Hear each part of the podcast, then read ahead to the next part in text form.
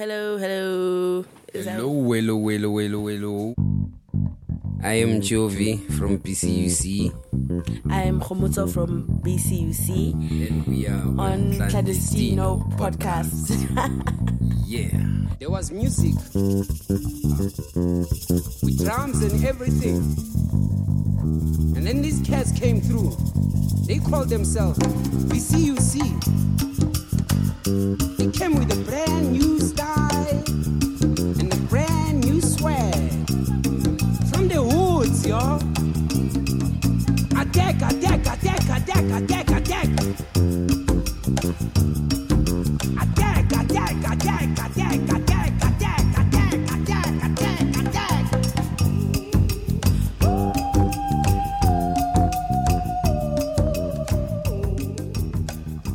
Clandestino Podcast, episode 16. With a brand new style from Soweto, South Africa. Meet BCUC. The name stands for Bantu Continua Uhuru Consciousness. And this seven piece group is known for their explosive live shows, built on melodic bass lines, intense drumming, and not least on the ecstatic singing of the two members we're talking to in this episode, Jovi and Kgomotso. Firmly rooted in a critical and progressive philosophy of their own, this collective has created a unique sound by blending musical influences from punk rock, hip hop, and poetry, but also drawing on inspiration from indigenous music styles and ceremonies from all layers of South African society. Uh, for example, when you're getting married, there are marriage songs. When you're burying someone, there are burial songs. When you are raising a child, maybe from this stage to the next stage, there are songs for that, you know. And when somebody gets initiated, because like we are from a very mystical place where people are also seers, you know, like there's people who can talk with the dead, you know, like, and they've got their songs too, you know. The South African churches have got their songs too, you know. The South African prison system has got their songs. Mm. The shebeens, the shebeens is like taverns, you know, like Pubs. pubs, yeah. Mm. They've got their songs too. So, and in the streets also, when we are chilling at night, you know, like we sometimes just stand at night and uh, burn a car tire when it's cold for an excuse of just singing in the street, you know. So, like, there is all those influences in our music, and then we interchange and interchoose, you know, what inspiration we would like to have on that particular song. Yeah. So the band is originally from Soweto, right? Yes. Are you still based there? Yes, yes, still yes. We're still based in Soweto. yeah, we call Soweto home. Yeah, it's our home. Yeah. It's us. So what's it like when you perform? I, I'm assuming you play there. What's it like when you play at home in in Soweto? let's say three, five years ago, it was weird because all this belongs to Soweto, but n- almost nobody knew about us, you know. So, like, it was weird, you know, and people thought they were not gonna like this because like it is known for having rock and roll and like it's a fusion of different uh, tribal music you know? And like uh, why do you mix this music with this music you know mm-hmm. because also there are purists you know mm, like yeah purists uh, they like it to be sang the way it's supposed to be sang mm-hmm. and we just sing it the way We feel it. it will fit for Yeah, us. Yeah. yeah You know. Mm. So like it was the a different relationship, but now it has changed. More people know about us now. More people love us now. And uh, when we are uh, performing in Soweto, it's like it's like church now. Like it's like it's like man. Like I think. Uh, it is becoming my favorite place to perform at, you know, because like every musician's dream is to sing with the audience singing the words, you know. Mm. So like when you sing it and they singing the words, you know, like it gets emotional, you know, like and you mm. think of the journey that you have taken to even be here, you know. So mm. like it feels like eh, when they're singing with us, it feels like they're saying, "Yeah, we accept you," Yeah. you know. Yeah. Yeah, when Do you agree? was yeah, because the Sowetans were the a very difficult audience to win over because when the inception of the band, Soweto already had a vibe, had a specific identity. There was a life that Soweto was living, and BCC was born outside of that life. You know what I mean? Influenced by this life, but just outside on the fringes of this life. And for a very long time, they really didn't get it. They thought we were being difficult in terms of the content that we spoke about. They thought we were trying to ruffle feathers, and they thought it was unnecessary. it was very hard for a very long time because we are talking about ancestry, you know, and South Africa is a it's an institution that is driven uh, by Christian um, constraints, you know. So, like when you are not uh, preaching a Christian gospel, it almost sounds like you are saying, like Christianity is wrong or what or what or what. But like no, like you, can be a Christian and we don't have a problem with you being a Christian. We are also the people who we pray to our grandmothers. We pray to our grandfathers, you know, like we are so stupid to think that they can hear us, you know what I'm saying, you know. Gavi matara makoko piko sobukwe Note tuhuru after huti niko tuge Mali gavi matara makoko piko sobukwe Note tuhuru after huti niko tuge Mali gavi matara makoko piko sobukwe Note tuhuru after huti niko tuge Mali gavi matara makoko piko sobukwe Note tuhuru after huti niko tuge Re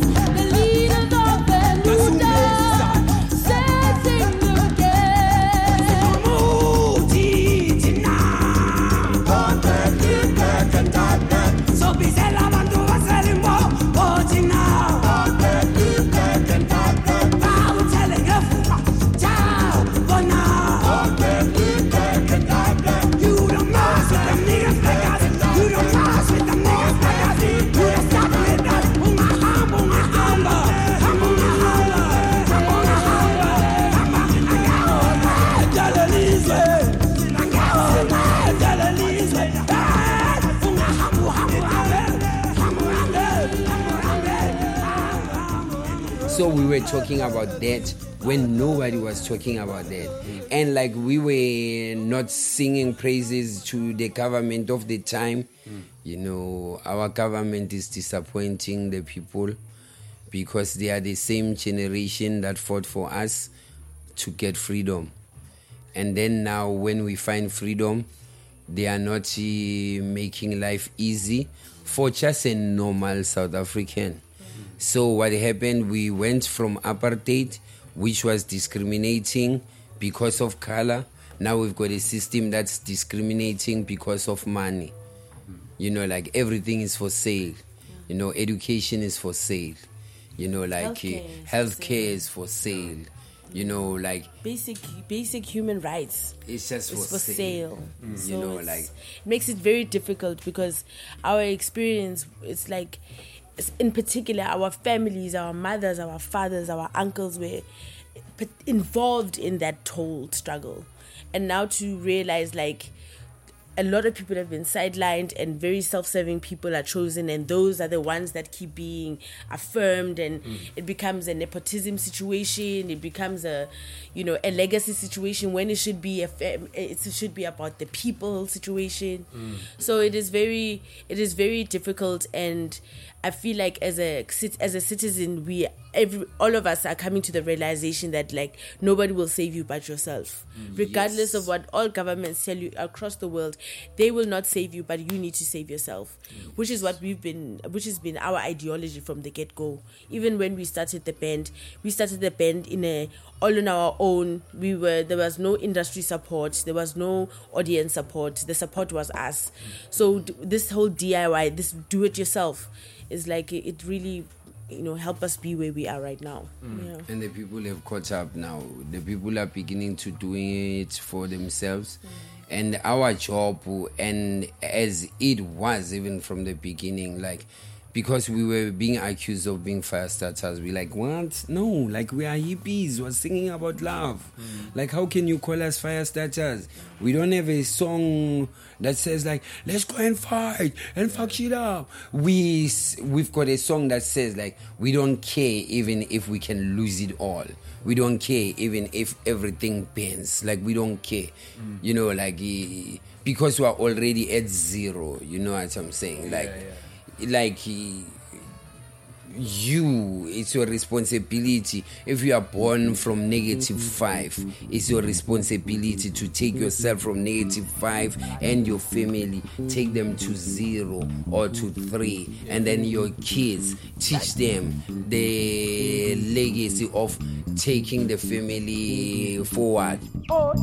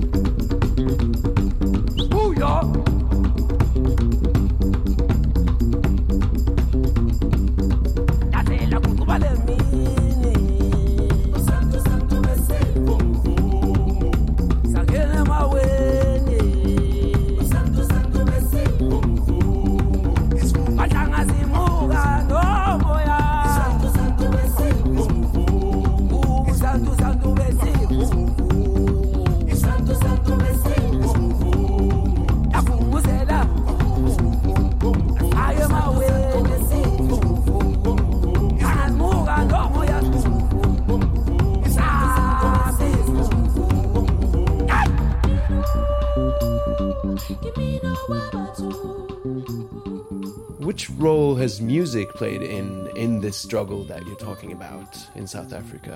in South Africa, music is a very important communicator because music has an ability to put people together regardless of tribe, regardless of, of location, regardless of all the things that should really make people not get along in the you know in the worldwide view. But music is is has been always been important in terms it's a very good communicator and these messages that people who don't particularly hear that language or particularly interested Yeah. in that mm. can pick up you know love yourself, rescue yourself. Mm. It's up to you. Like you are not young forever. Like your kids are growing up. Are you aware, my brother? Like, what are you living? You know, my sister, what are you gonna leave? You know, what impact are you having in your community? You know, like, so, like, our music has been that, and our impact resonates and we are happy we rehearse in an open air space you know like uh, with no microphones just a bass amp you know like and a lot of people didn't start bands because they thought that they needed a room or a garage and the microphones and everything you know. So now like people see that oh damn look at them. They don't have rehearsal space. They are rehearsing outside but they're playing like these big stages you know. Mm. So like it creates belief. It creates belief. It creates belief. Not everyone affords a keyboard or the full drum set if you've got a tom and a hi-hat and a kick, you know, like uh, those are your drums. Master the, the, that thing that you can afford until it becomes your style, you know. Because even the choice of instruments that we made, like we didn't make it because the, oh, we chose these instruments. We made it because we didn't have budget to buy uh, real instruments, as they were calling it, you know. Because before we even afforded to buy the shakers, you know, like we didn't have shakers. We would put uh, maybe some soil in the tin so that uh, and use the legs of the uh, of the table. So like we started like that, you know, like and if we didn't start, we wouldn't be here, you know, like and we didn't have stands for our drums, you know. We used to put them on the car tires. Mm. You know, you can go to our old videos, you'll see like we put them on the car tires, you know. But like we had to continue, we had to continue, we had to continue. And it is in continuation that you improve, you know. Mm. You know, so like now, like we have created a new belief in self. You know, don't believe in us. Like no, like no, don't believe in us. Believe in you. The most person that is important is you. You know, empower you, love you. You know, understand you. See, you see.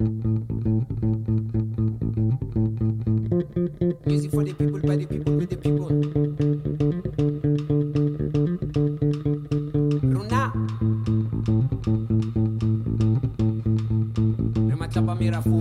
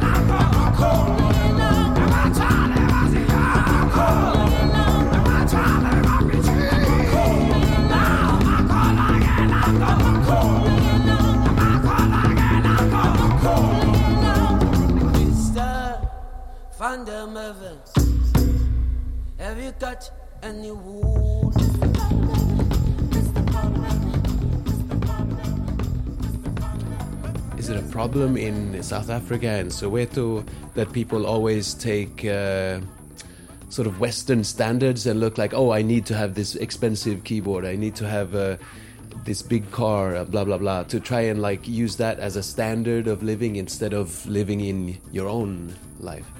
It is a problem. It is a big problem, and uh, that problem brings too much pressure. You know, living beyond your means is a sickness at home. Instead of just being who you are, you know, you can still dream, you know, but uh, just be true to who you are at present, you know, and so that we will learn from you, you know, like you become the template that, oh, look, he was here two years ago. Look now where he is, you know, like steady progress, you know, you know. Now this guy has been talking all this time. What do you want to add? No, I just think we are all susceptible to capitalism. So we cannot make it like the system does not encourage you to live beyond your means. The, actually, the system is, is, is set up for you to live beyond your means. They want you to. So in order to get out, out, of, out of that matrix, you have to want to. Because we were also in the same boat. Mm-hmm. We were also no relatives who were taking out loans for shit they didn't need. And we somehow connected because we had the same belief, the same idea. Like, we don't want to do it like that. We want to create our own rules and actually have a some semblance of freedom in how we mm. live our lives. You know what I mean? So I just think it is a it's not only a Soweto problem, it's a it's a it's a it's an Africa problem, it's a global problem. It's not a you know, it's also especially in spaces where let's be frank, there's no money, there's not a lot of money going around. You know, there's not there's no governments providing providing you with housing, with a healthcare, with this, oh. with this. We don't live in those governments, guys. We've never lived our parents have never lived those governments before they don't know that life. So i feel like we also should be aware like we are all under the umbrella that is capitalism and we are suffering from it. Whether you're from copenhagen whether you're from soweto whether from sweden whether you're from what's the niger it's the same shit. It's just that we all have to make a decision of what you want to do for yourself the kind of lifestyle you want to live for yourself. So i feel like as I say, BCUC, when I joined, this was exciting to me because all the things that, all the questions, the budding questions I had, because I was like, what? I was not even, I was 19 at the time. All the things that were really, you know, things I was curious about, wondering about. I made a group of, of guys were like, you know what, fuck it. We're going to live the way we want and do exactly what we want and how we want. There's a freedom in that. Mm. And the, the, we there's nothing to lose because we didn't have anything in the first place. There is nothing to lose. I didn't have anything in the first place. Mm. And then over time, standing in my truth, trying to find myself and grow and learn and and and you know how does how does this whole bigger picture work? What's my place in this bigger picture? And how can I how do you have differing opinions but still be respectful? All those things. Then you find your way, you create your way, then you are able to move forward and our mission as well is to enlighten the people. People in Soweto, the people in Congo, the people in Morocco, just enlighten you. We just want to enlighten you, remind you that we are all human beings, we are all interconnected, and your destiny is in your hands. That's all we want to do, you know? Yeah. That's a beautiful concept for a band, I think. That's that's how you started with this as a collective yes. with this idea. Yeah. Freedom, man. Freedom. because it was clear it was clear at the time in 2003 that you know that rainbow nation dream that they sold us was untrue Yeah, and it's it's a sad truth. It's a sad truth because like even now, like there are people who were just born better. You know, like they were just born better, better place, uh, better reality, better circumstances, better chances better resources you know better resources you know. And for me like i will not uh, the, waste my time concentrating on that. I will spend more of my time in saying that they can be born better but if they are not working hard if they are not putting in the hours that they need to put doing what you are doing like you're gonna be better than them you know? Just put in the hours that are needed. Just just keep your head up uh, be a proud man or woman you know and and push. Yeah. And push you know? Because even their fathers or their grandfathers that gave them what they gave them those people pushed yeah. you know? They are kids they are spoiled and they are not pushing but you become their become the grandfather of the people that gave these people just a free ride you know Yeah. And if you're not doing any pushing, you're not getting any muscles. Yes, I think, right? Thank you very much. You are not. It's just as simple as that. You know, like you are not pushing. You are not. Uh, if you are not rowing, the boat is still, or you going with the current. That's the message from BCUC. Yeah, man. Thank you guys very much for being on the podcast. it was nice being on clandestino podcast oh, oh, oh. Clandestino.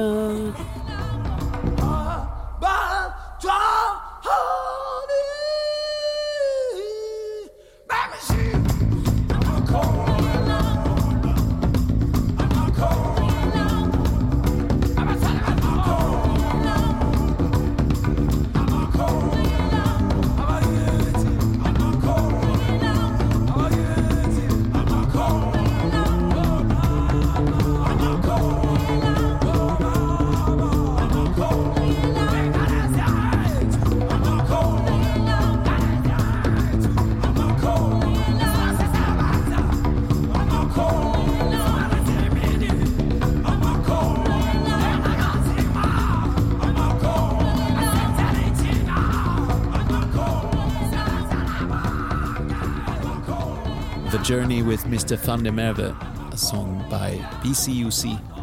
And keep your ears open for their new album coming out soon.